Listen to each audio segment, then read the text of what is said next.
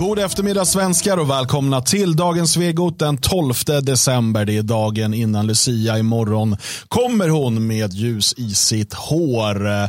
Här med nytt hår, eller ja, fixat hår, klippt hår, nyfriserad gällehorn.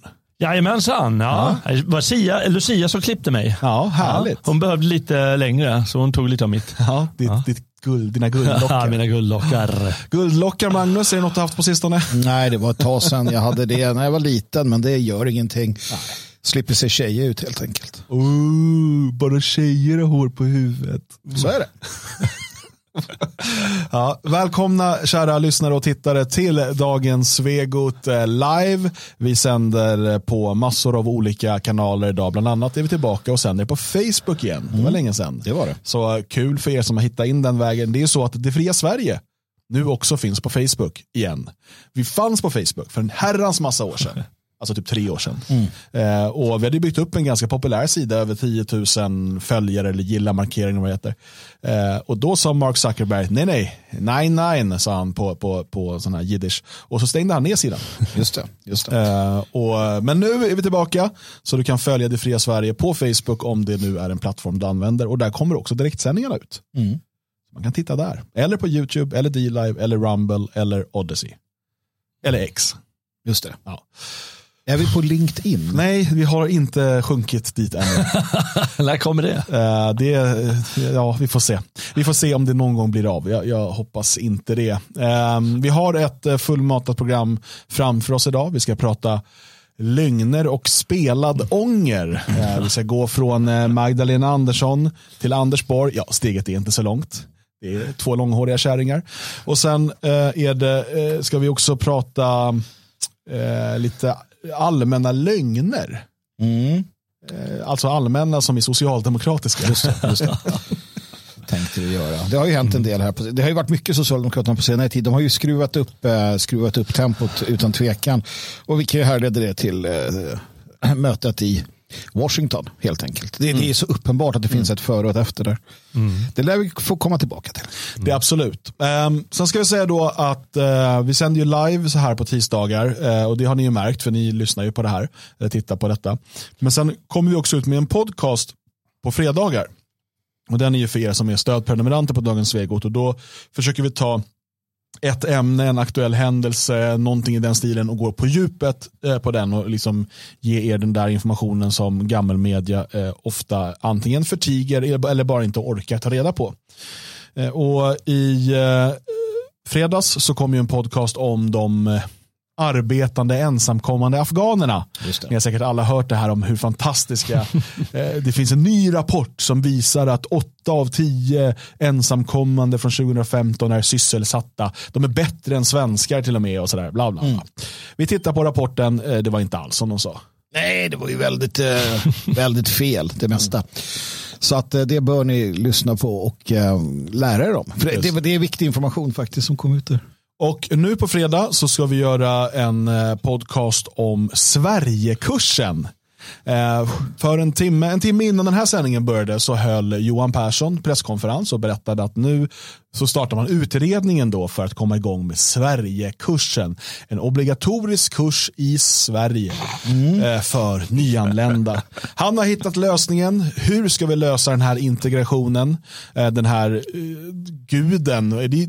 Det är, någonting, det är något som alla de här verkar tro på men som ingen någonsin har sett bevis på existerar. Mm. Så det är ju någon typ av gud för dem.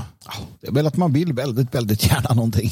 Men, men, men jag har alltid funderat över det där, om vi bara, bara säger kort om det ämnet. Eh, varför är det inte eh, typ Sverigedemokraterna eller, eller vi som håller den där Sverigekursen som är, är bäst för Sverige och borde vara mest insatta i det. Eh, istället, för, istället kommer han med sin rappakalja vad, vad man ska lära. Eller vem ja, eh, det, det, är något, han pratade mycket om det här med jämställdhet och hbtq ska man få lära sig om då. Eller man ska inte få lära sig om det, man ska få lära sig vad vi i Sverige tycker om det. Som att vi alla har en och samma åsikt. Mm. Eh, men vi ska kolla närmare mm. på det där eh, och den podcasten kommer ut på fredag eh, för dig som är stödprenumerant. Är du inte det så kan du väldigt snabbt och enkelt bli det på svegot.se support. Dessutom, som många av er säkert redan känner till, har vi ju goda nyheter. Svenskarnas hus nummer två är vårt. Ja. Eh, och Svenskarnas hus nummer två ligger i Skåne. Mer information kommer i början av nästa år. Men vi har ju då eh, kunnat köpa den här eh, väldigt härliga fastigheten som blir nästa Svenskarnas hus mm. tack vare en medlem eh, som har gått in och eh, lånat ut pengar till föreningen helt enkelt. Mm. Och nu är det upp till oss allihopa att eh, samla in pengar till husfonden så att vi dels kan återbetala den här medlemmen och dels kan investera i renoveringar och möbler och allt som behövs nu i det andra huset. Och många av er har redan sett det första Svenskarnas hus, ni förstår hur viktigt det här är. Eh, så att passa på nu, gå in på detfriasverige.se snedstreck donera och sen så stöttar du husfonden. Ehm, senast så samlade vi ihop eh, en miljon kronor på mindre än ett år och vi hoppas att göra det även nu till hus nummer två. Ja, verkligen. Eh, för då kan det få en riktigt härlig flygande start, precis som det första huset i Elgarås, där vi står just nu. Ja, jag menar, saken är ju den att vi ondgör oss ofta över att um, nu byggs det en moské igen någonstans och massor med människor är jättearga på detta. Eh, samma människor som är jättearga på detta bör känna att vad bra, nu bygger vi ett Svenskarnas hus, nu skapar vi en till samlingsplats och sätta eh, plånbok bakom orden. Eh, det finns inget annat sätt att göra det här på än att sätta plånbok, pengar bakom orden. Vi har visat vad vi kan, vi har visat vad vi gör, vi har det första Svenskarnas hus. Du kan när som helst komma hit eh, och hälsa på. Uh, inte när som helst. Nej, inte när som helst. Men, på natten så brukar våra nattvakter sova. Ja, du kan komma på natten, men det kan bli problem. Ja. du är välkommen att försöka. nej, men, och, och, nu bygger vi, istället för att bara vara arga på att muslimer till exempel då, hjälps åt och bygger sina moskéer, så gör vi det. Alltså inte bygger moskéer, men vi bygger våra platser. Så det är ju bara att sluta upp bakom detta och hjälpa till. gör man inte det så ska man ju inte klaga om andra gör det. Nej. Och vi är väl bättre än muslimerna, eller? Oh ja. ja. Det hoppas ja. jag. ja. Härligt. Eh, alltså, Svenskarnas hus 2 är vårt. Eh, det ligger i Skåne. Mer information om exakt var första evenemanget som kommer vara i februari. Mm. All den informationen kommer i början på, på nästa år. Eh, det behövs göras lite småsaker först bara. Men redan nu så kan du gå in och se till att det här huset blir så bra som möjligt genom att stötta husfonden. Och sen kommer det komma information om hur du kan delta på arbetshelger och sådär. Och är det så att man absolut inte kan hjälpa till ekonomiskt, för mm. det kan vara att man är i reservationen, speciellt dyra elräkningar, det är jul och sådär. Eh, vi har förståelse för det. Då jäklar, då är man där på arbetshelgen och hjälpa till på det sättet. Det är man. Jag ska också svara på en fråga här. För jag, kan, jag har svaret nämligen. JS skriver i chatten. Mm. När, fixar ni i, när fixar ni ett DFS-hus uppe i Gävle? Krävs motvikt mot Al-Rashidin-moskén. Ja, um, när vi fixar det vet jag faktiskt inte. Men när fixar de som bor i Gävle och vill ha ett hus där det? Det är väl den frågan man ska ställa snarare. Skåningarna har under flera år bedrivit verksamhet och haft en välfungerande eh, kommunförening. Vilket då visar att de är kapabla till att eh, öppna och driva ett Svenskarnas hus. Vi, alltså det fria Sverige, tillsammans, alla medlemmar som vi är, kommer att öppna ett hus i Gävle när den lokala Gävlefalangen känner att eh, de eh, har fått ordning på det så att de klarar av att driva det.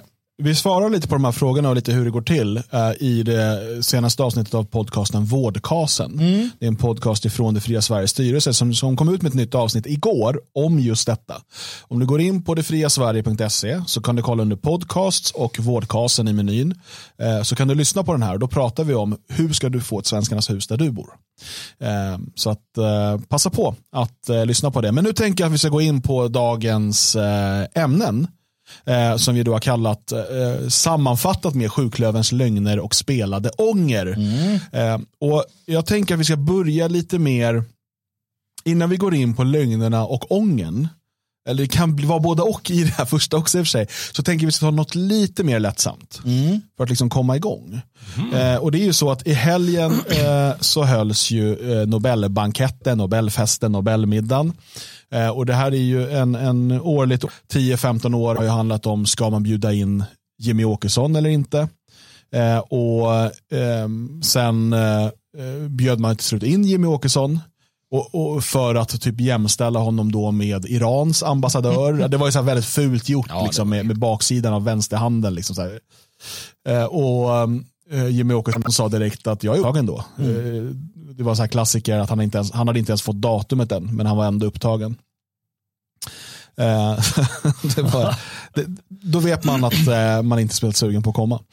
Men eh, Jalle, du har ju då eh, tragglat dig igenom eh, röda mattan-fotografierna eh, och skrev en artikel på eh, detfriasverige.se, ett, ett litet kåseri kan man säga, eh, om detta. Ehm, och eh, vad, vad var ditt bestående intryck av klädseln Ja, på Nobelfesten? Jag är ju föreningens eh, nya modjournalist uppenbarligen och eh, gick igenom lite klänningar om, som folk har fastnat för. Eh, jag har faktiskt sett eh, häxorna i någon annan eh, eh, nej, det var Askungen. Va? Det var mamman och de här två eh, eh små systrarna.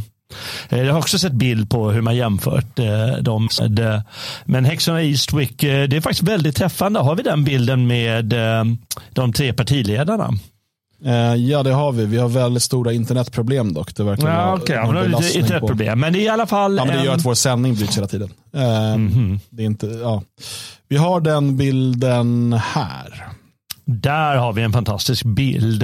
Eh, jag skrev att bara sett för sig, eh, Nooshi där till vänster, det jag tycker passar henne väldigt bra.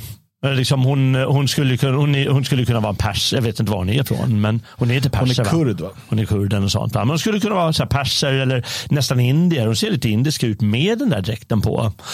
Som ja, men hon är indisk så här, eh, maharajas eh, eh, konkubin eller något sånt. Eller fru eller vad som helst. Eh, eh, men sett alla tre tillsammans, alla bär cape. Och de andra två ärkehäxorna bredvid, de, eh, de visar ju vad det ska handla om. Särskilt hon i mitten. Ja, den är ju speciell. Vad, vad tänker du Magnus? Nej, jag, jag, jag, jag är inte så...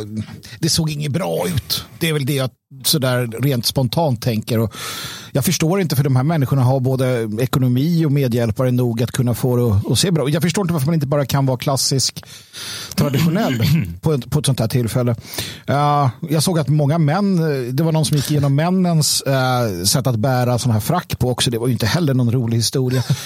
Uh, jag tycker att jag är ganska kass på att klä mig eftersom jag aldrig liksom har brytt mig utan jag har fått på senare tid lite fått upp ögonen för hur viktigt det ändå är och att, att man bör tänka på vissa saker. Men alltså när du kan få hjälp som de här människorna kan få, att de inte klarar det bättre. eh, det, det, det är sorgligt och skrämmande på samma gång. Ja, eh, jag, jag har ju ställt mig en massa olika frågor. Va, har, har de skitit i de här rådgivarna? Eller har rådgivarna varit med att det, allting handlar om att synas så mycket som möjligt? Eh, och eh, fan, nu kör vi järnet. För givetvis är det som du säger att de har ju haft rådgivare och skräddare och modedesigners och alltihop när de valt ut de här dräkterna. Ja, det är helt visst. självklart. Eh, Alltså jag hörde och- att, att, att, eh, Magdalena Anderssons klänning den var ju liksom väldigt dyr och väldigt design. Ja, ja, ja herregud. Ja, det kostar, det kostar säkert 100 000 och sådär mm. och, och fläska ihop. Eh, eh, Jag frågar mig, eh, skämtsamt sa jag, varför hon eh, ser ut som, varför hon har på sig en halloween-dräkt eh, för 100 000 då i det här fallet. Eh, Eller om det är så här Baphomet, Baphomet-influenser eh, det är frågan om, nämligen den här nya satanistiska symbolen som har blivit extra populär att, prata om i eh, konspirationsteoretiska kretsar den sista tiden. Eh, och varit inne då sen liksom någon sorts ny satanism på, på det där sättet. Jag jämför med prinsessan Sofia, eh, Carl Philip eh, Donna. Och hon har ju också en svart klänning på sig, helsvart. eh, Och det passar henne jättebra. Hon är skitsnygg, eller hon liksom, hon har en väldigt fin uppenbarelse i det. Men hon ser verkligen ut som en häxa, Marianne här. Men jag tänker att det som JS skriver här, ehm, att man pratar om, på Nyhetsmorgon pratade man om att det är en trend sedan några år att man gör politiska statements. Jag håller bara med i som att jag fattar inte vilket statement det är. Men visst kan jag förstå att man gör statement. Man kanske klär ner sig för att visa att man är vänster eller man klär extra mycket upp sig för att man visar att man är royalist eller eh, så. Men sen har det ju alltid varit så att männen, det är frack som gäller, punkt. Eh, och, och kvinnorna har ju mycket, mycket större möjligheter att, att variera sin klädsel i alla typer av sådana här sammanhang. Medan männen är, det är frack eller så är det eh, folkdräkt. Punkt. Um, samma sak, kvinnorna kan ju alltid dra på sig en folkdräkt. Det skulle de aldrig göra naturligtvis. Jag hade tyckt det var trevligare om fler använde folkdräkten som högtidsdräkt. Ja, ja, faktiskt. Eh, Här skriver Camilla i chatten att eh, hon gillar inte vanligtvis Magdalena Andersson, men gillade hennes klänning. Och jag ska säga, den är ju fräck. Ingen kan säga något annat än att den är ju rätt häftig och så. Eh, Men jag vet inte om det passar på Nobelmiddagen. det. Det är ju det det handlar om. Att, att det finns ju något som heter dekorum, en väldigt, klassisk eh, term för att eh, anpassa talet eller ditt uppträdande till vad som är passande för stunden. Och någonstans tycker jag att det eh, inte är passande. Men visst, jag tycker att hon ser jävligt fräck ut i den. Så här vampig och vågad och, och cool. Men va? är det värdigt en statsminister? Nej, det, är också det. är Det, grejen. finns ju, alltså, det är ju en sak om hon bara vore vilken liksom gothslampa som helst. Ja, Men det, är det är ju, klart. det här är ju, man skulle bära något motsvarande. vad, vad skulle vara motsvarande för en man att bära?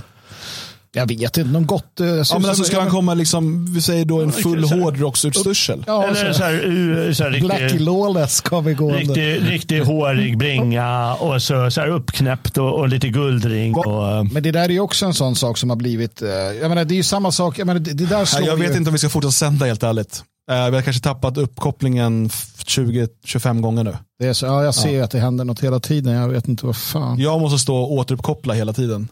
Eh, just nu är vi i sändning. Bara så Ja, vet. bara så att ni också vet, ni som lyssnar. Det här är ju väldigt problematiskt för oss när det blir på det här sättet, förstår ni? För att eh, det är svårt att hålla skärpan. Ja, för jag kan inte, jag måste fokusera på att återuppkoppla och ställa in allting. Allt måste mm, återställas.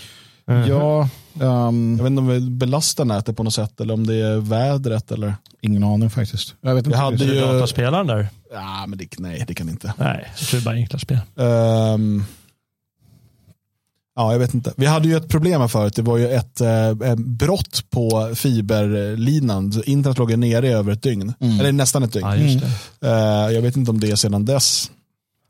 Att det är något strul. Nu Vi kan vi, försöka en liten stund nu till. när vi pratar om det slutade det ju hacka kändes det som. Det kanske är sossarna som är inne och hackar. Ja. de, vi, Ja, vi ni vet i alla nu. fall eh, varför det hackar och fl- inte fler behöver skriva det. Nej, precis. Nu, nu. Nej, jag vill bara säga det, men det, det här är ju också en sak eh, du är inne på ändå. Och det här blir ju en könsfråga då, om vi ska ta en sån. Eh, för, för en man hade det varit, liksom, eh, alltså det hade låtit helt annorlunda. Och, och det där ser vi också till exempel att eh, alltså tjocka modeller, det, kvinnor ska vara tjocka det- får man gärna vara som modell och det är viktigt. Manliga tjocka modeller, det är ingenting som Hugo Boss kommer börja använda sig av på samma sätt. Och så vidare. Så det har ju skett ett, ett skifte åt andra hållet kanske eh, i, i modern eh, tid. Eh, och eh, Eh, det, det- gör ju att hon kan göra sådana saker. Sanna Marin kan ha en skinnjacka skinnpajen på sig när hon är på toppmöte.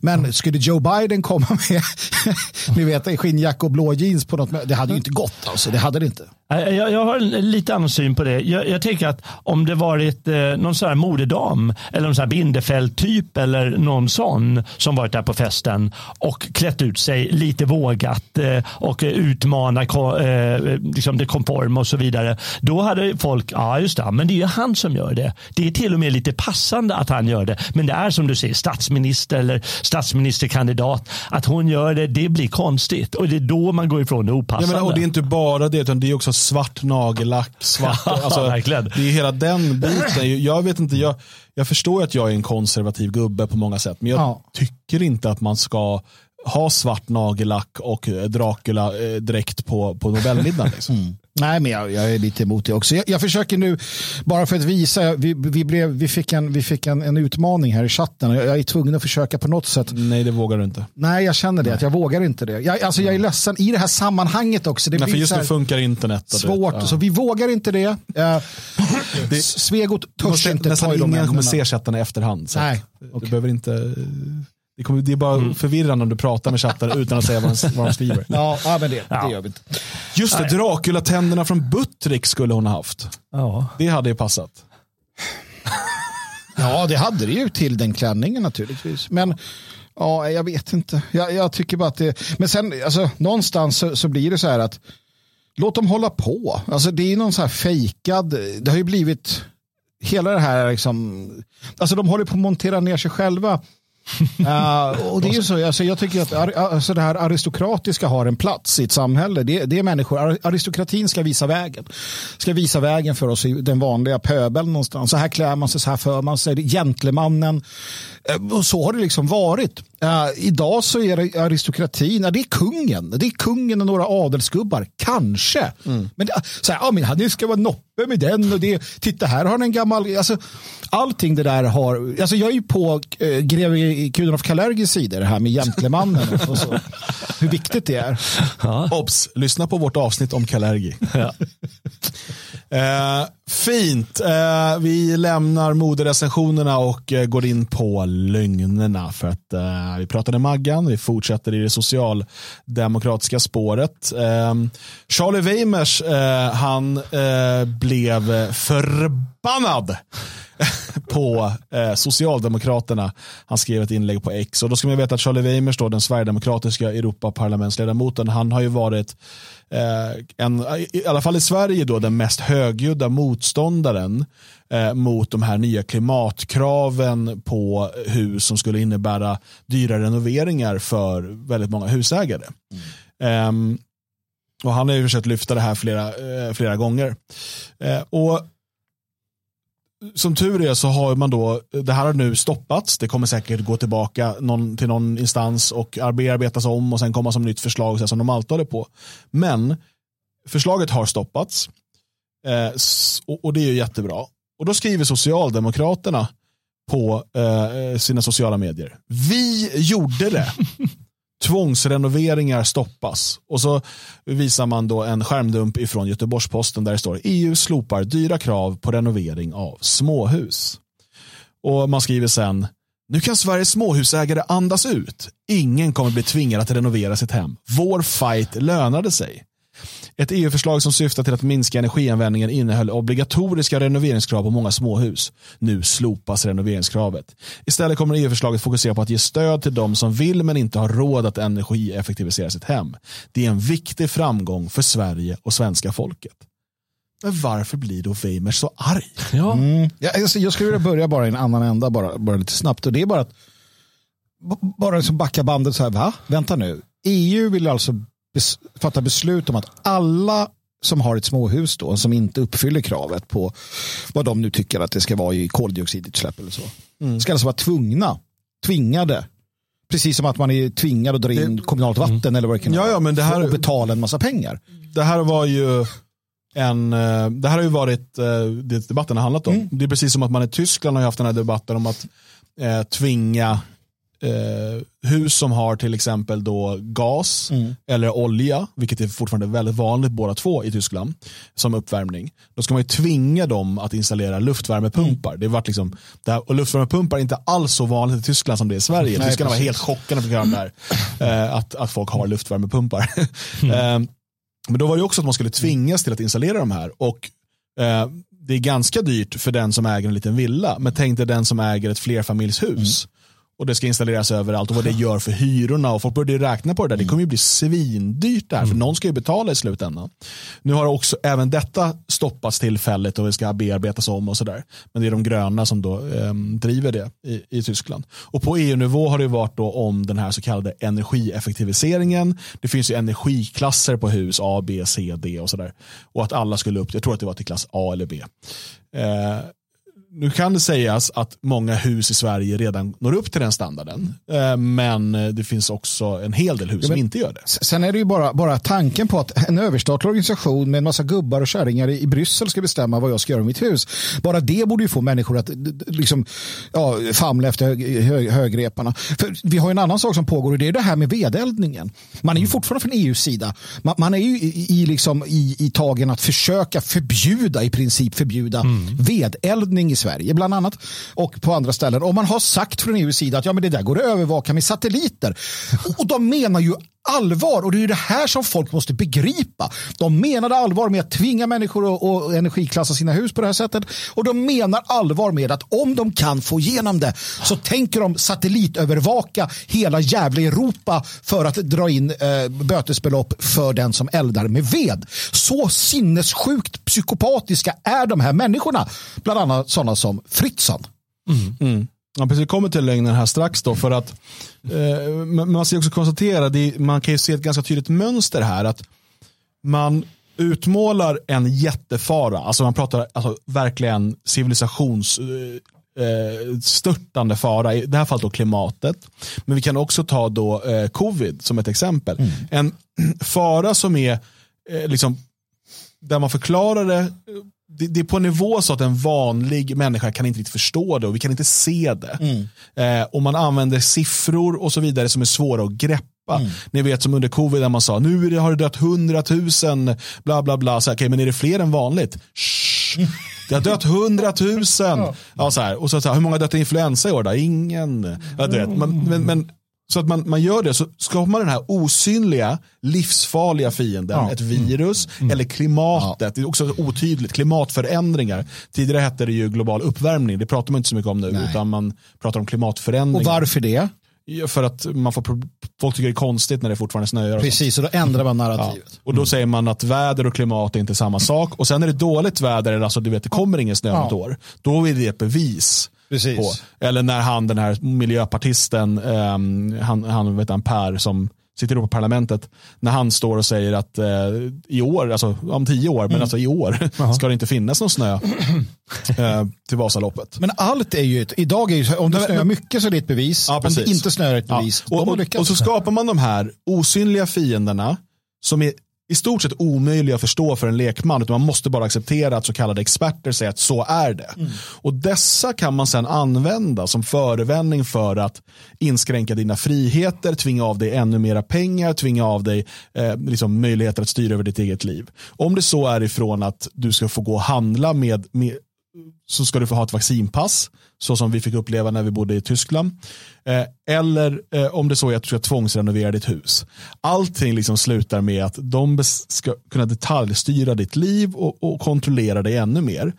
Och som förevändning för det har man de här osynliga livsfarliga fienderna. Och så skapar man skräck. Mm. Skräckbilder, om det så är från eh, sjukhus eller om det är från en översvämning eller vad det än är. Så, så här, men är det fler översvämningar nu än tidigare? Nej, nej, nej, men det är översvämning, det ser du väl. Om du betalar mer skatt, då kan vi fixa bättre klimat. Mm. Mm. Och, och, så här kör man på hela tiden och det är det vi ser här från EU.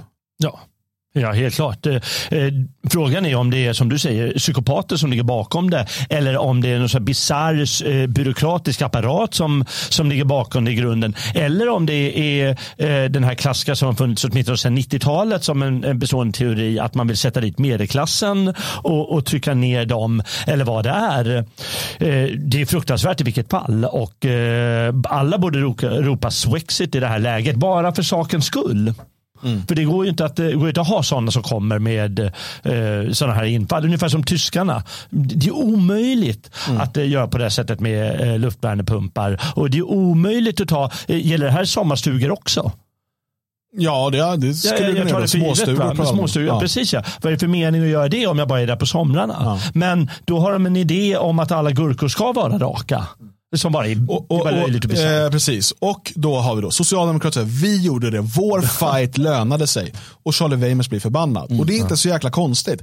Eftersom att Socialdemokraterna röstade för mm. det här förslaget. Mm. De röstade för tvångsrenoveringar av svenska småhus. Mm. När det sen blir nedröstat, då säger de, vi gjorde det. Vår fight lönade sig. Men det, det är ju här man, menar jag, då tar det, alltså det är det slutgiltiga klivet.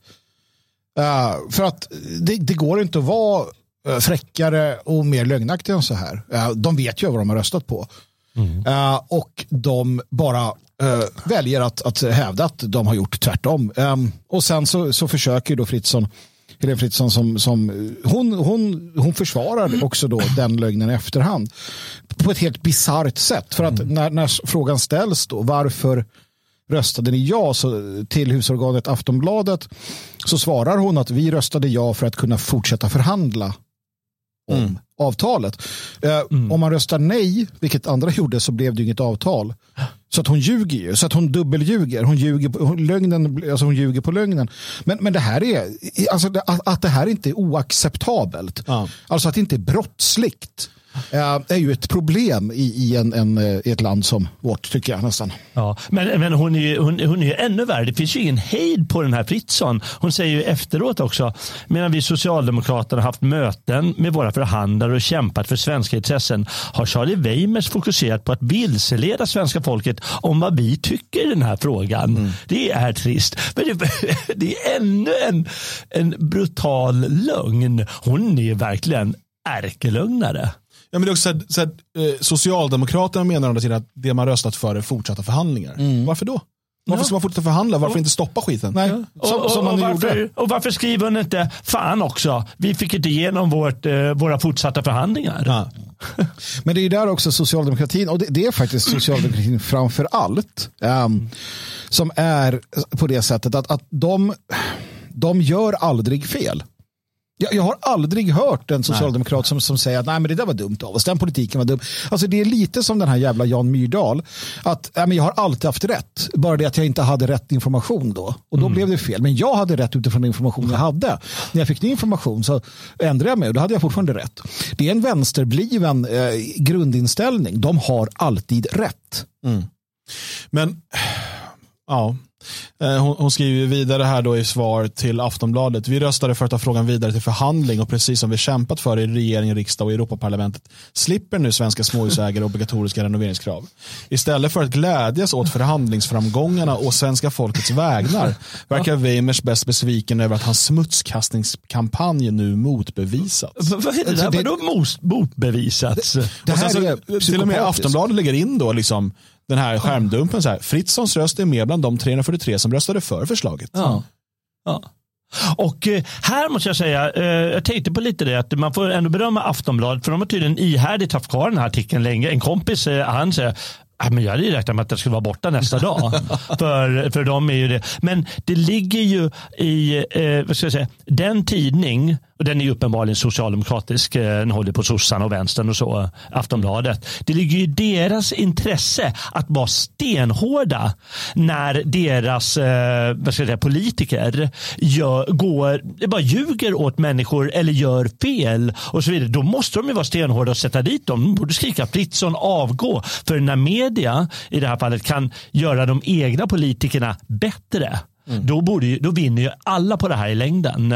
Så jag hoppas att de kör vidare Aftonbladet stenhårt. Ungefär som eh, om det fanns en SD-tidning. borde de gå stenhårt åt SD när de utesluter medlemmar eller något sånt där eh, knasigt eller mm. håller på. Men alltså, här, samtliga ledamöter eh, från sossarna, Miljöpartiet och Vänsterpartiet röstade ja. Mm. Och samtliga ledamöter utom en från Liberalerna, eh, Moderaterna, Sverigedemokraterna, Kristdemokraterna och Centern röstade nej. Mm. Och sen är, säger de att det är deras fight. Att det, det, man, man, kan, man tror knappt att det är sant. Men, men det, det, det, tanken som slår mig också det är det att Aftonbladet tar upp det här.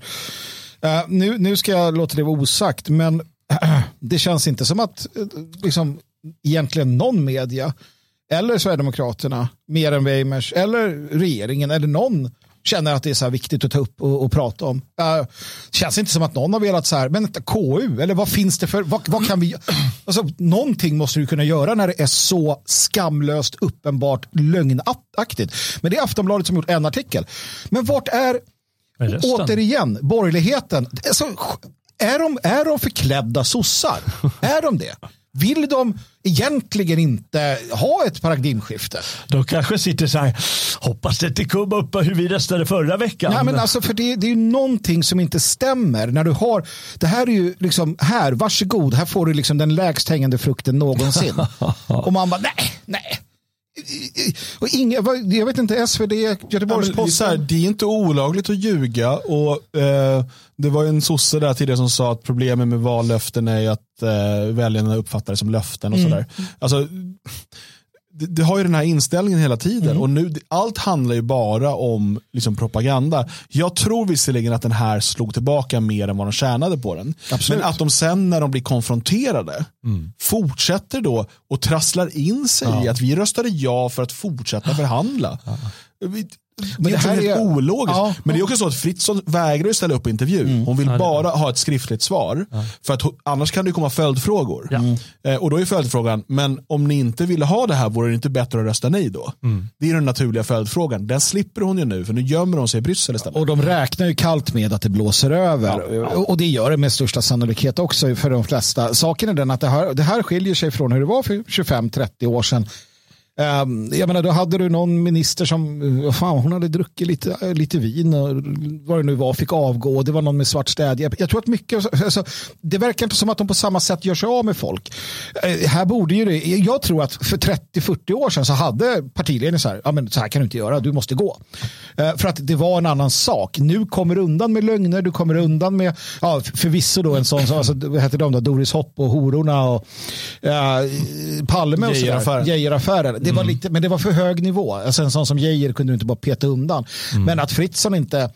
Det, det, är någonting, det har förändrats där också. Inom partierna tror jag, framförallt sossarna, att de säger nej men nu, alltså de tar Strandhäll och bara står upp för henne i vått och torrt. Hon är en galen fylletant som sitter på Twitter och bara ställer till det för sig. Och de bara nej, El Haj, nej, vi bara sluter upp bakom alla. Det finns, jag tror inte att du kan bli utesluten ur SD. Eller ur, eh, ur eh, Socialdemokraterna. där. Eh, Jag tror dessvärre att det är ganska lika över alla partier. Det som är inte bara... Utom SD inte, då? ja, de älskar att göra sig av med sina egna. Ja. Nej, men det är ju inte bara sossarna som är, är... De är ju väldigt bra på det här med att ljuga och bara skita i konsekvenser och bara köra på. Men alla är väldigt mycket för att skydda sina egna politiker eller skydda sig själva framför allt. Och de räknar med oftast att de får sina ledare eller de andra som sluter upp bakom en. Och oftast har det hänt så. Det är, och det är nog något som har hänt i, eh, i, i svensk politik eh, mer och mer eh, på sistone. Det där kommer slå tillbaka. Jag, jag är helt säker på det. Ah, det är början på slutet. Jag, jag tänker, Ja. minns ni var, kommer ni ihåg hur Viktor Orbáns nu mångåriga eh, eh, liksom mångåriga eh, plats vid makten, hur den inleddes. För så många, många år sedan när eh, politiker, av, politiker avslöjades med, den dåvarande politikern avslöjades med att säga eh, vi ljuger på dagen, vi ljuger på kvällen, vi ljuger hela tiden. Det är det enda vi gör, vi ljuger för folket. Det gjorde så att det blev stora demonstrationer och Viktor Orbán fick makten med sitt Fidesz och han har makten sedan dess. Men, ja, och eh, den stora skillnaden där är att Ungern är en ung demokrati. Absolut. Eh, och den djupa staten, det fanns en djup stat under Sovjettiden. Den i stora delar slog sönder. Sen finns det alltid det lever kvar och oligarker som köper, som köper upp det som har varit förstatligat. Och sådär. Men Socialdemokraterna har ju över hundra år byggt en djup stat i Sverige som är eh, det är väldigt få länder som de kan konkurrera med hur ingrodd den är. Så hur mycket socialdemokratiska rörelsen och eh, svenska staten faktiskt sitter ihop. Ja. Eh, men du sa intressant det här med demokrati därför samma personer som ljuger å det grövsta, de brukar alltid ta sin heliga demokrati. Att de är där för demokratins skull och när man fastslår att hon är en lögnare, en ärkelögnare vågar jag fråga, eh, vågar säga eh, Helene Fritzon, då säger de att det är hat och hot mot demokratin och vad de själva gör i, under hela det här loppet, eh, det är ju förstås att helt underminera eh, det politiska system vi faktiskt har här. Ja, det är nog delvis meningen. Ehm, för att de vill ju gärna ha en, en annan typ av möjligheter att kontrollera eh, makten och ha makten. Det är därför också det är så otroligt obehagligt med eh, den, den här, det här betänkandet som man lämnade fram nu, eller det som ska göra så att regeringen ska kunna få mer makt i fredstid. Det kommer Ehm, upp eh, en liten kommentar om det va, på detfriasverige.se här under dagen eller senaste imorgon. Ja. Eh, För att det innebär att, för att borgerligheten går med, och det är det här återigen, borgerligheten är efterbliven. Jag måste säga det igen, borgerligheten är efterbliven, för de förstår fortfarande inte uppenbarligen Men, men, men, men Sverigekursen? hur, hur djup den här djupa staten är. För att borgerligheten tänker att ja, men okej, vi, vi ser till så att eh, regeringen kan få mer makt i händelse av kristid och jag har inget emot det som princip. Det kan vara ganska klokt. Men det kommer ju en tid då sossarna har regeringsmakten igen. Och då är det de som sitter på tolkningsföreträdet. Vad är en kris i, i, i, eh, fredstid? Ja, det är upp till Magdalena Andersson att avgöra. Alltså, det är ju det man, man eh, hela tiden eh, missar. Och ni minns ju hur sossarna har ylat om myndighets, när man har bytt ut myndighetschefer, lotteriet, alla de här sakerna som är grunden för deras makt. Herregud alltså. Ja, och det är därför eh, de eh, slåss så stenhårt mot Tesla nu. Mm. För att eh, den så kallade svenska modellen det är ett sätt att säkra socialdemokratins makt eh, på arbetsmarknaden. Eh, så att om, om, om det blir, om ett företag lyckas bryta sig loss från det så kommer det bli, de har rätt i det. Då kommer det, eller riskerar det att bli en dominoeffekt. Att ännu fler inser att, vänta kan vi få bestämma själva? Ja, Eh, precis. och då kommer det komma såklart krav från politiken på att ja, men då måste vi från politiken gå in och införa vissa regler, minimumlön och så vidare. Och plötsligt är den så kallade svenska modellen en historia. Eh, alltså, då, då är det en historia och plötsligt så har vi en demokratisk styrning av arbetsmarknaden och inte en socialdemokratisk styrning av Jag arbetsmarknaden. menar, därför borde man ju eh, i den mån det gick strejkbryta och ge sig på de där jävlarna som står och, och täpper till. Eh, Alla fackförbunden, socialistiska, det är ju fienden, eh, en del av fienden. Jimmy Åkesson, stor, stor vän av eh, svenska modellen. Eh, Jag lyssnade på en intervju med honom i den här sista måltiden. Då tar han stark ställning för facket och sådär. Eh, och jag tror att det framförallt är strategi från hans sida. Det är klart att det är det antagligen i alla fall. Men problemet ligger i att en välfärdsstat, en välfärdsstat som den vi liksom har eller har haft plus den typ av politiska system vi har haft, den, den behöver en befolkning som är lätt efterbliven. ja, men man vill att folk ska inte klara sig själva. Man hatar idén. Det är som Socialdemokraterna, vi pratar ju om det i, utifrån deras eget program. De är ju livrädda och ledsna över att unga människor idag tyr sig till sina familjer mer än till staten. De hatar ju tanken. Och borgerligheten som har varit någon form av liksom, horunge till socialdemokratin sedan 45 för att de blev så rädda för det bruna. De har ju accepterat det här istället för att säga att nej, vi ska ha en stark befolkning som klarar sig själv, som inte ska ha någon jävla, som inte liksom söker bidrag. De ska inte bara suga på spenen hela dagarna. Men det har de inte gjort borgerligheten. Och så kommer en sån som Jimmy och bara, ja men det är ändå bra, Per, per Albin. Nej, Per Albin var ett jävla avskum som borde ha hängts högt utav bara helvete från en bro. Nu tar vi det lugnt här Magnus. Tänk på blodtrycket. ja, men det blir så jävla dumt. Och hur ska borgerligheten någonsin, eller sossarna någonsin komma, eller vad heter de? Demokraterna, Sverigedemokraterna. Hur ska de någonsin komma någon vart om de fortsätter att i grunden vara socialdemokrater? Mm. Eh, vi ska prata lite om den här spelade ången också. Um, förr, förra torsdagen gjorde vi en podcast om Socialdemokraternas skrämmande planer för Sverige. Och Det här i samband då med deras ehm, rapporter.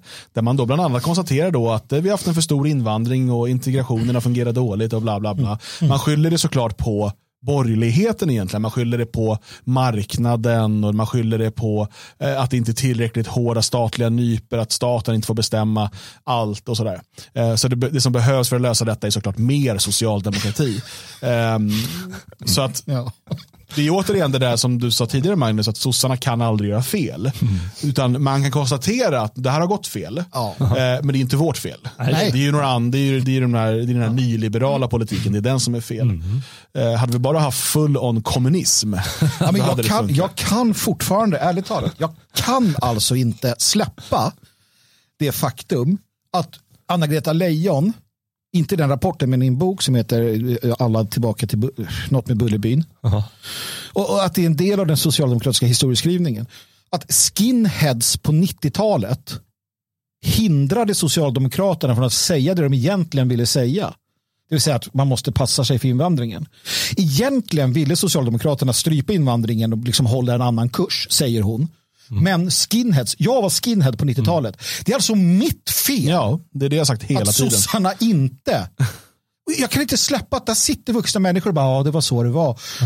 Alltså detta jävla parti är ju ondskan inkarnerad. De är ju sjuk, de är psykopater allihopa. Alla socialdemokrater, tror jag, är psykopater. Ja, men det är de definitivt. Men det är också liksom en bisarr historieskrivning som, som skapas. För det här är en bild som eh, kommer lite, lite i efterhand också.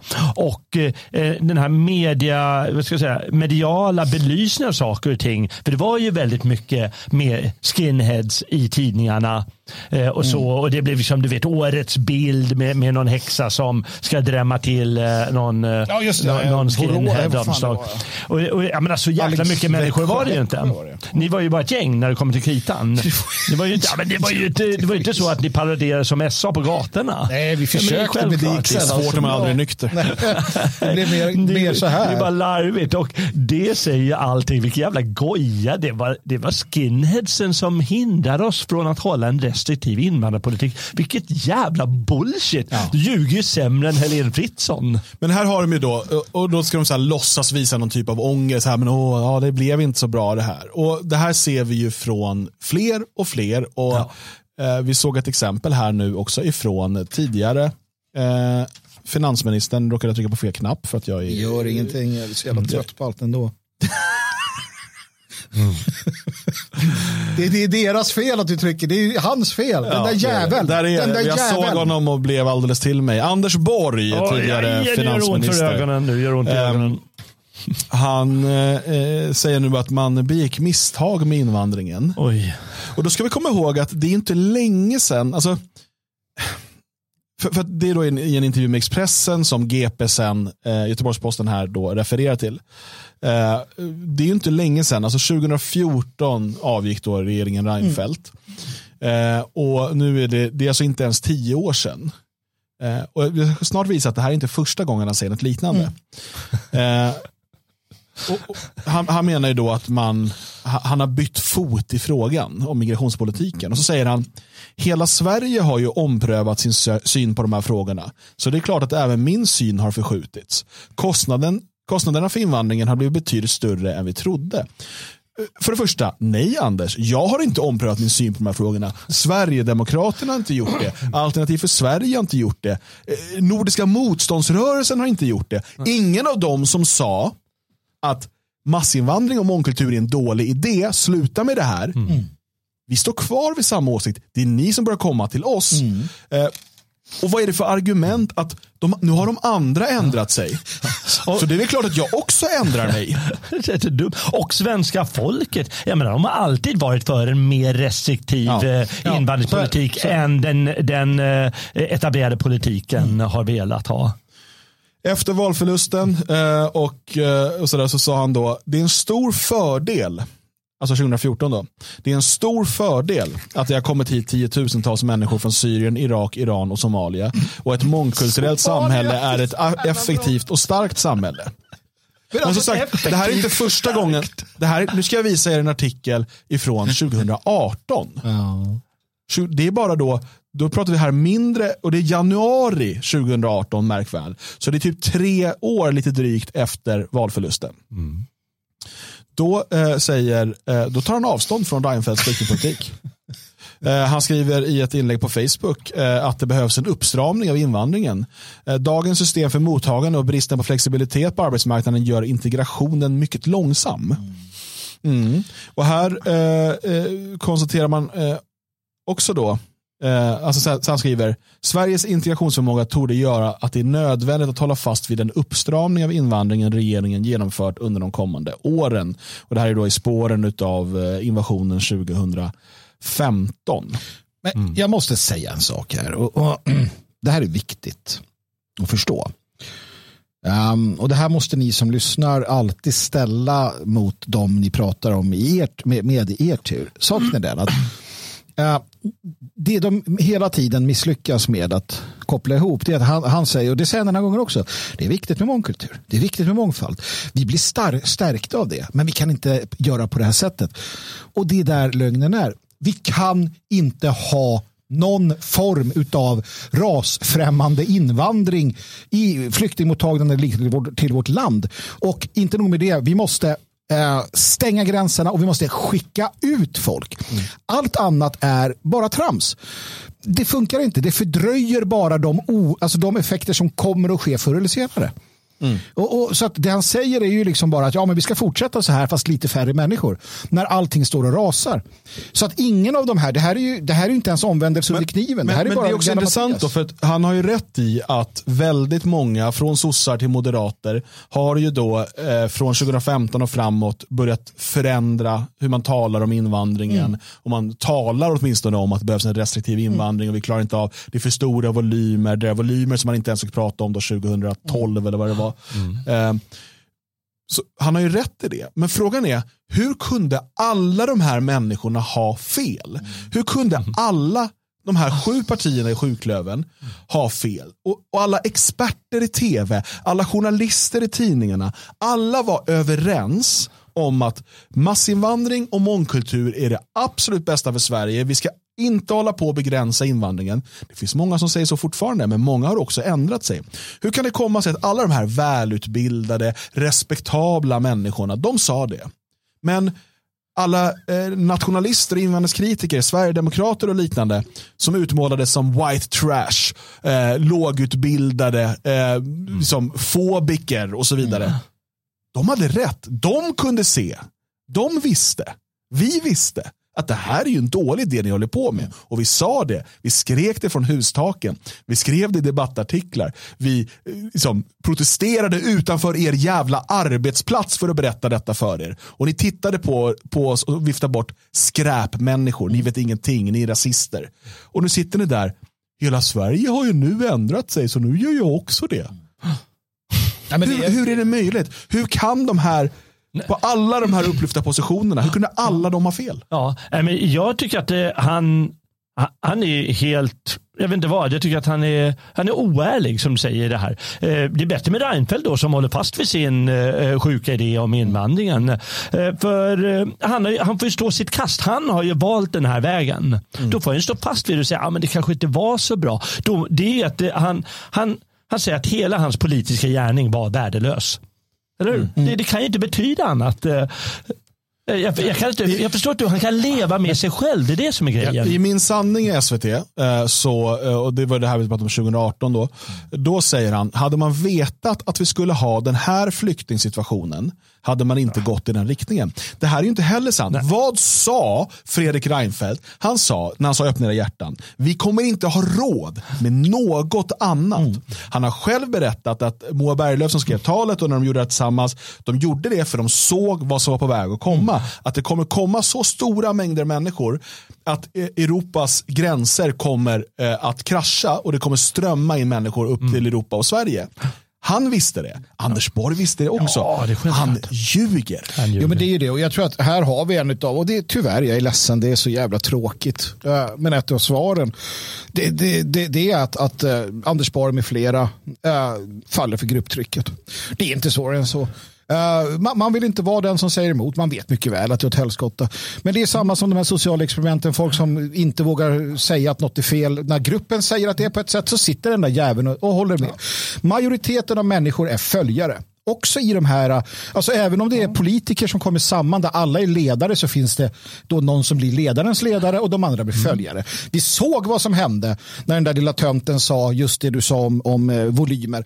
Han fick ju stryk av Reinfeldt sedermera. Mm. Mm. Så då kände bara, jag, jag tänker för fan inte säga något. Ska jag, ska jag säga något och bli av med alla mina pengar och allting? Mm. Aldrig i livet. Jag tar min deg. För de flesta människor, och ni vet själva, de flesta av er som lyssnar på jobbet, inte fan är ni den som, och så vidare vidare. Vi alla, alla vi har det här i oss, förutom ett litet fåtal. Och det är det lilla fåtalet mm. som styr världen. Och det är det lilla fåtalet som man bör försöka eftersträva att bli en del av. Det vill säga människor som ställer sig upp och så bara, nej nu jävlar Mm. så gör vi något annat. Mm.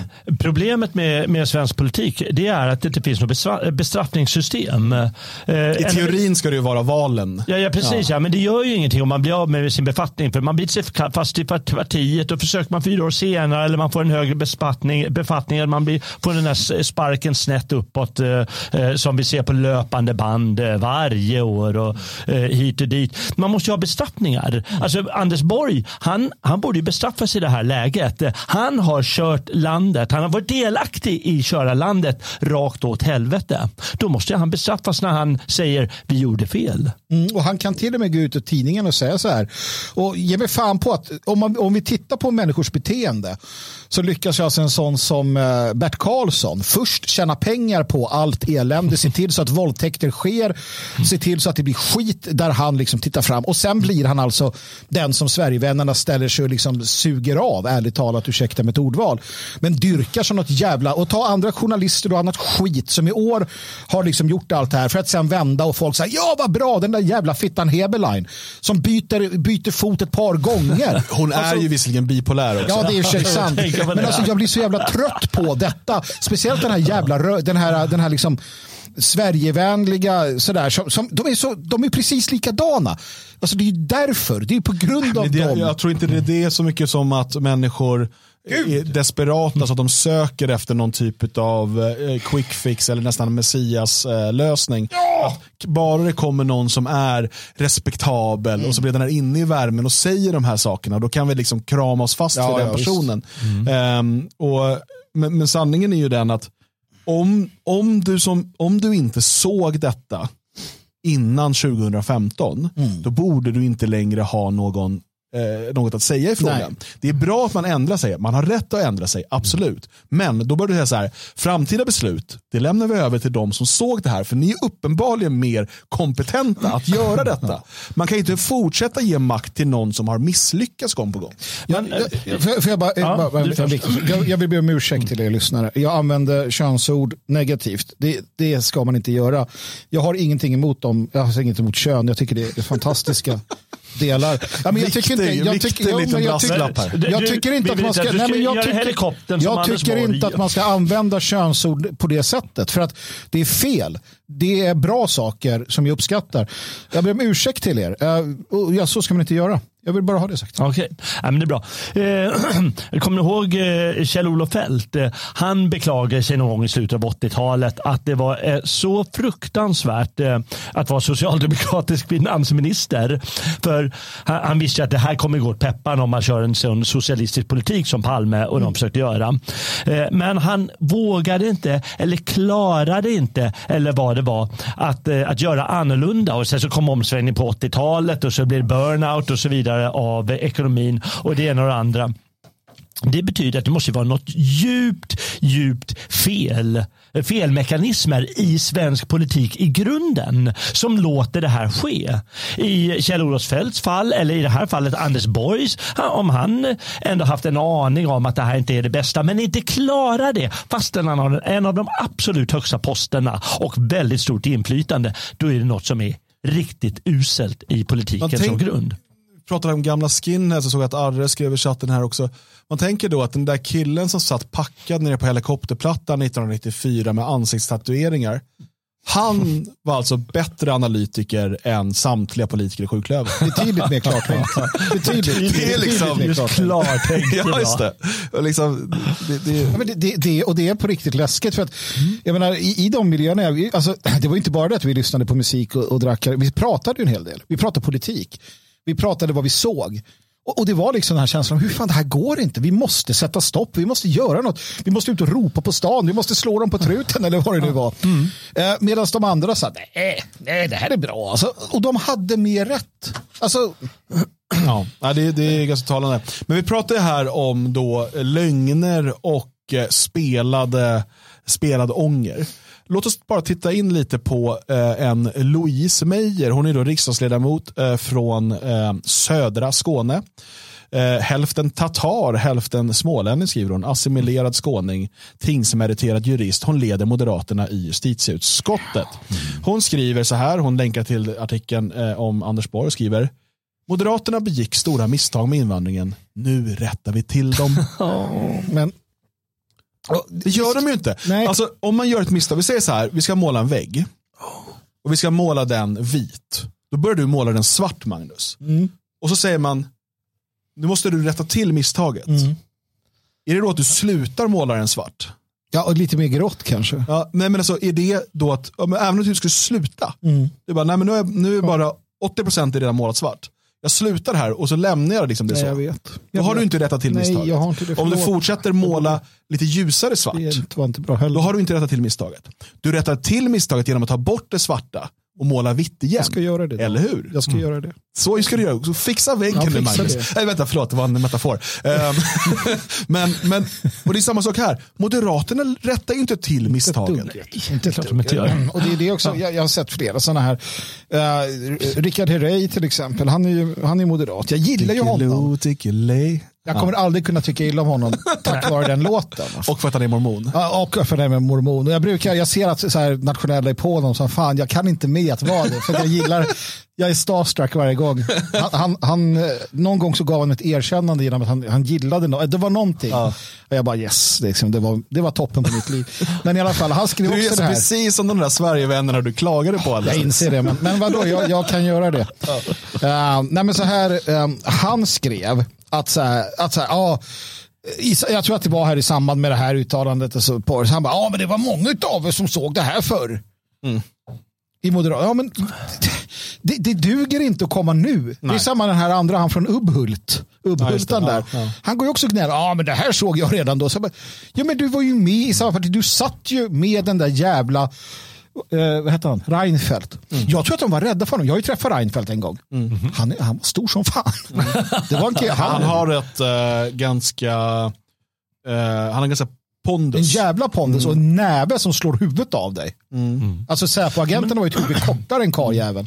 Jag har också sprungit på honom en gång. Men du, du är inne på någonting här jag säger någonting som är fel i eh, politiken i grunden.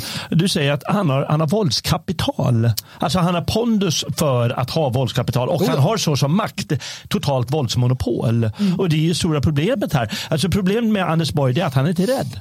Han är inte rädd för någonting. Han är inte rädd för några som helst konsekvenser. De är inte Ja, rädda för folket. Det finns bara ett sätt. Det finns bara ett medel som är en konsekvens och det är våld. Mm. Det är, och det har funnits i alla tider. Ta romarriket. Mm. Det i tusen år. Jag menar, hur många gånger tror du inte det var inbördeskrig i romarriket? Mm. Och vad är det för? Jo, det är för att någon ska fan ta mig inte vara säker på makten. I synnerhet inte om han gör lite hur som helst. Mm. Ja, då, I värsta fall är det bara pretoriangradet som skär halsen av fanskapet. Mm. va? Så det finns alltid någon utmaning med våld. Mm. Och det är problemet i vårt samhälle. men jag tror absolut. det är i grunden att det är problemet. Ja, att det finns inget, inte ett hot om, om Våld. Om konsekvenser. Liksom. Ja. Men det är ju det, och det är ju därför man i USA, från framförallt Demokraternas sida, vill avväpna, avväpna, avväpna, avväpna. För om du avväpnar befolkningen, och om du gör dem till de här idioterna, till, till liksom lätt efterblivna som inte klarar av saker själva och behöver välfärdsstaten och de behöver statens spena, då, då, är du, då har du makten för evigt. Du har makten för evigt eh, om du inte sjabblar bort det med massinvandring som tvingar folket att säga, "Åh, åh, jag måste rycka upp mig, man tar sig i kragen och liksom sådär. För att vi var ett land av Åsa-Nisse-typer. Vi var ett land av jävligt bångstyriga och knepiga gubbar och kärringar som kunde jaga och vi kunde göra allt och vi kunde, alltså en massa grejer. Va? Ja, sen slutade vi vara det för att vi eh, började suga för mycket på spenen och sen ehm, ja, så har vi det som, det som det är nu. Vi kommer tillbaka till det, jag vet det. Jag hoppas jag får se det, jag ber till Ja. Gud Ja, att jag får se Åsa-Nisse träda fram ur skogarna med den där gamla bössan igen. Ja, verkligen. Men jag tänker, eh, när du pratar så där tänker jag liksom Gustav Vasa, pondusmannens Ja. pondusman. Och var, han hade ju ständiga uppror mot sig, Ja, mot ja, riktiga jävlar. jävla Åsa-Nisser. Ja, som hela tiden, rädd att ta till grepen. Nu Ja. jävlar ska vi sätta av den här jävla Gusten. Han var ju befriat oss från dansken Mm. hur många gånger som helst. Jävlar, nu ska han hängas. Och det, är- det, där, det är det här hotet som man måste känna om statskupp till exempel. Bara det, det Mm. Är liksom viktigt. Att de känner att det blir statskupp om jag, om jag håller på så här. Det säger sig själv, Gustav Vasa gnäller ju hela tiden om hur otacksamma svenskar är. Han, jag tror i sista talet, ja ni har varit otacksamma. Och, och det är just den här, han vet hela tiden att allt han gör måste han göra liksom sådär för att det finns ett enormt motstånd mot allting. Eh, och han är konstant orolig för hur det ska gå och så vidare. Det är, det är sunt och nyttigt som politiker att, att vara rädd för, för folket. Det, det, är jag helt, det är jag helt övertygad om. kan ta en fråga från chatten här eh, innan vi eh, avrundar. Då. Eh, det är intresseklubben här. Svegot låter lite som boomerradio idag. Ja, det är åldern. Den. ni tror väl inte att vi sitter i den här situationen i väst och Sverige på grund av inkompetenta politiker? Jag skulle säga att inkompetenta politiker är en ganska stor delförklaring till att vi sitter där vi sitter. Inkompetenta i så till den mån att de inte är kompetenta nog att eh, driva ett svenskt Sverige. Ja, alltså det, det, det är naturligtvis så att det finns ju alltså fördumningen generellt sett, inkompetens absolut. Jag brukar alltid åter, återgå till det faktum att vi sitter där vi sitter för att svenskarna slutade bry sig. Mm. Det är vårt eget fel um, och det är vi som kan rätta till det. Jo, precis, men alltså, det, det är det här, jag tror att det man ska absolut akta sig för när man söker förklaringar till varför vi är där vi är idag, det är att försöka hitta en förklaring. Ja, Förklaringen med stort F, att det, är mm. liksom, det beror bara på det här, mm. eller bara på det här partiet, eller bara på den här gruppen, eller bara på eh, den här lagen, ja. eller vad den är. Det är ju, det är ju en mosaik av saker som har gått snett och som, som växelverkar med varandra. Men det är klart att inkompetenta politiker, eh, för att okej, okay, alternativet då är att alla de här politikerna Eh, alla politiker på liksom alla nivåer, alla journalister och så vidare, de är då eh, styrda och tillsagda att göra så här. De vet att det är fel. För de är inte inkompetenta, de vet att det kommer leda till det här. Men de gör det ändå för att de blivit tillsagda att göra så. Det så... Och det är ju en betydligt mindre eh, tro, trolig förklaring än att de faktiskt blir en del av en gruppmentalitet, att de är, ehm, eh, liksom blir eh, blind, ideologiskt förblindade, att de blir eh, fartblinda, att de blir liksom, eh, maktkorrumperade och så vidare eh, som då bidrar till det. Men det är inte den enda förklaringen. Det är inte bara politikernas inkompetens eller om man så vill politikernas eh, illvilja. Det är inte bara det som har lett oss till idag. Du var inne på någonting annat Magnus. Där, alltså hur vi, alltså vad är vår roll som, som medborgare, som mm. svenskar? Hur har vi agerat? Hur, varför har vi låtit det här ske? Varför har, vi gett, varför har vi gett ifrån oss bit för bit av vår makt? Mm. Sen har du såklart eh, internationell storpolitik. Du har eh, kapit, eh, alltså kapitalstarka intressen som, som vill driva på en viss typ av politik. Du har minoritetsintressen som vill driva på en viss typ av politik. Det finns massor av sådana saker. Men återigen, att tro att det finns en förklaring, vi-förklaring. Mm. Ja, nej, det vänder jag mig det, det, det, måste man hålla sig för god för. Det håller jag med om. Mm. Eh, jag vill inte säga något. Nej, men jag, jag vet, alltså det där blir också, det blir ett resonemang. Jag tycker att det är väldigt enkelt, eh, ärligt talat. Det är som du säger, det finns en uppsjö. Det finns eh, biologi, ideologi, det finns arv, det finns miljö, det finns uh, i min värld, som jag är troende, en hel del andra aspekter att ta hänsyn till. Uh, men jag tror att du måste vara kompetent att kunna prata om alla de här olika delarna. För det man märker är att människor som hänger upp sig på att nej, men det är det här, de här 300 skäggiga gubbarna som träffas det här i Basel varje år. Det är de. Till sist, mm. det är ingen som kommer lyssna på dig.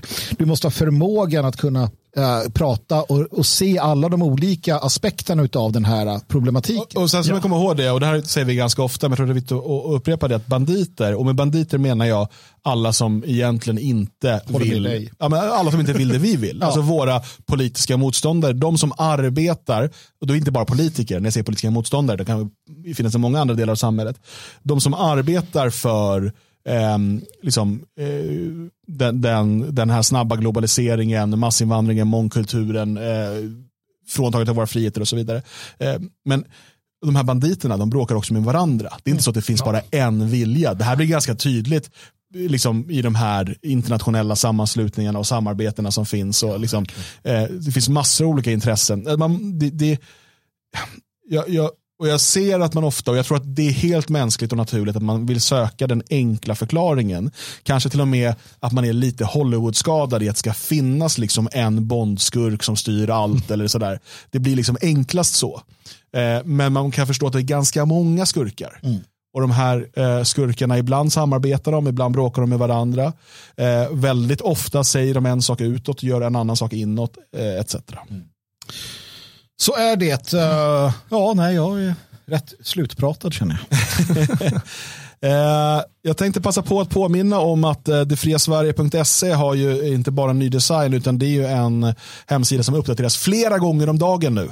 Mm. Eh, med artiklar, kommentarer, kåserier, poddar. Eh, nästa år kommer det komma mera videos där också. Så att det är ju absolut en sida du bör besöka dagligen.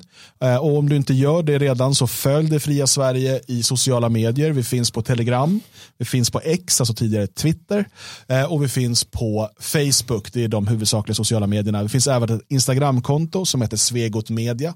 Se till att följa oss i de här olika kanalerna eh, och besöka detfriasverige.se dagligen. Som vi börjar med att berätta här och som du kan höra mer om i podcasten Vårdkasen som finns på detfriasverige.se är alltså Svenskarnas hus 2 nu vårt. Precis. Det är en realitet. Och vi kommer ha det första evenemanget där i februari nästa år. Mm. Det kommer komma mer information eh, i början på nästa år. Men nu är det oerhört viktigt att vi sluter oss samman och ser till att eh, stötta husfonden så att vi dels kan betala av den skulden till den medlem som har lagt ut pengar för att kunna köpa fastigheten och dels kunna eh, investera i renoveringar, i möbler och allt annat som behövs när vi nu öppnar ett till hus. Det är andra svenskarnas hus.